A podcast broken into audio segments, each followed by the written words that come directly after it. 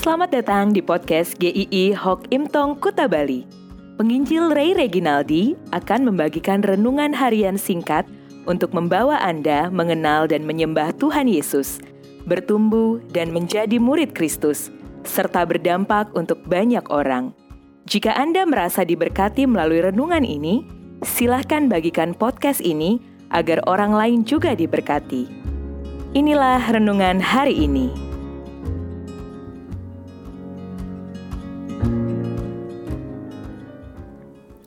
Perhentian dari Tuhan Keluaran 35 Keluaran 35 bukan yang pertama membahas tentang hari sabat. Sebelumnya sudah beberapa kali Tuhan mengatakan dan mengulangi tentang hari sabat. Ada di Keluaran 20, Keluaran 23, Keluaran 31, Keluaran 34. Perintah Sabat kepada orang Israel bukan semata-mata mereka perlu beristirahat, tetapi dasarnya adalah karya penyelamatan Allah atas umatnya. Saat sepuluh perintah Allah itu diberikan, di mana salah satunya adalah tentang hari Sabat, semuanya itu diawali dengan pernyataan, "Akulah Tuhan Allahmu yang membawa engkau keluar dari tanah Mesir, dari tempat perbudakan." Kesepuluh perintah itu dilakukan atas dasar penyelamatan yang dari Tuhan. Lebih jelas kita bisa melihat dalam ulangan 5 ayat 15. Sebab haruslah kau ingat bahwa engkau pun dahulu budak di tanah Mesir. Dan engkau dibawa keluar dari sana oleh Tuhan Allahmu dengan tangan yang kuat dan lengan yang teracung. Itulah sebabnya Tuhan Allahmu memerintahkan engkau merayakan hari sabat Orang Israel harus mengkhususkan hari Sabat karena Allah sudah menyelamatkan mereka, dan mereka harus nantiasa mengingat akan hal itu. Tuhan memerintahkan orang Israel untuk mengkhususkan satu hari untuk perhentian kudus bagi Tuhan. Perintah ini bukanlah perintah yang sulit, karena jumlah hari untuk bekerja dan hari yang dikhususkan itu perbandingannya sangat jauh. Enam hari itu hari yang cukup untuk melakukan segala pekerjaan dan kegiatan. Satu hari untuk berhenti itu sangat masuk akal.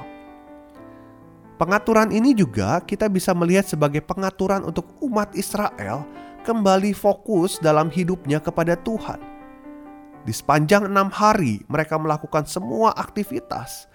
Pasti banyak hal yang terjadi sehingga di hari ketujuh itu adalah waktunya disetel kembali hidupnya dengan Tuhan. Tuhan bukan mengadakan hari libur nasional, tetapi hari yang ditetapkan Tuhan adalah hari untuk beribadah kepada Tuhan. Maka dikatakan sebagai hari perhentian penuh bagi Tuhan.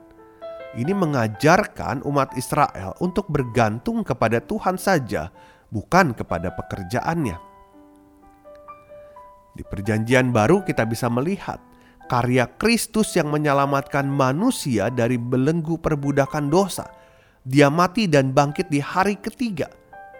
Hari kebangkitannya adalah hari yang dipakai oleh jemaat mula-mula untuk mereka bersekutu bersama-sama dan menyembah Tuhan, yaitu hari pertama atau hari Minggu, berbeda dengan di Perjanjian Lama. Hari Sabat adalah hari ketujuh atau hari Sabtu.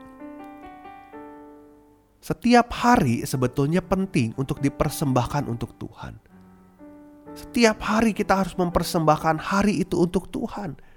Tetapi kita juga harus mengkhususkan satu hari untuk kita beribadah bersama-sama saudara seiman kepada Tuhan. Mengingat kembali bagaimana karya keselamatan yang sudah dianugerahkan Tuhan kepada kita. Apa yang mau Tuhan katakan kepada kita sebagai umat Tuhan. Mari kita merenungkan dan mengkoreksi kembali motif ibadah kita kepada Tuhan. Sampai berjumpa di episode selanjutnya. Tuhan Yesus memberkati.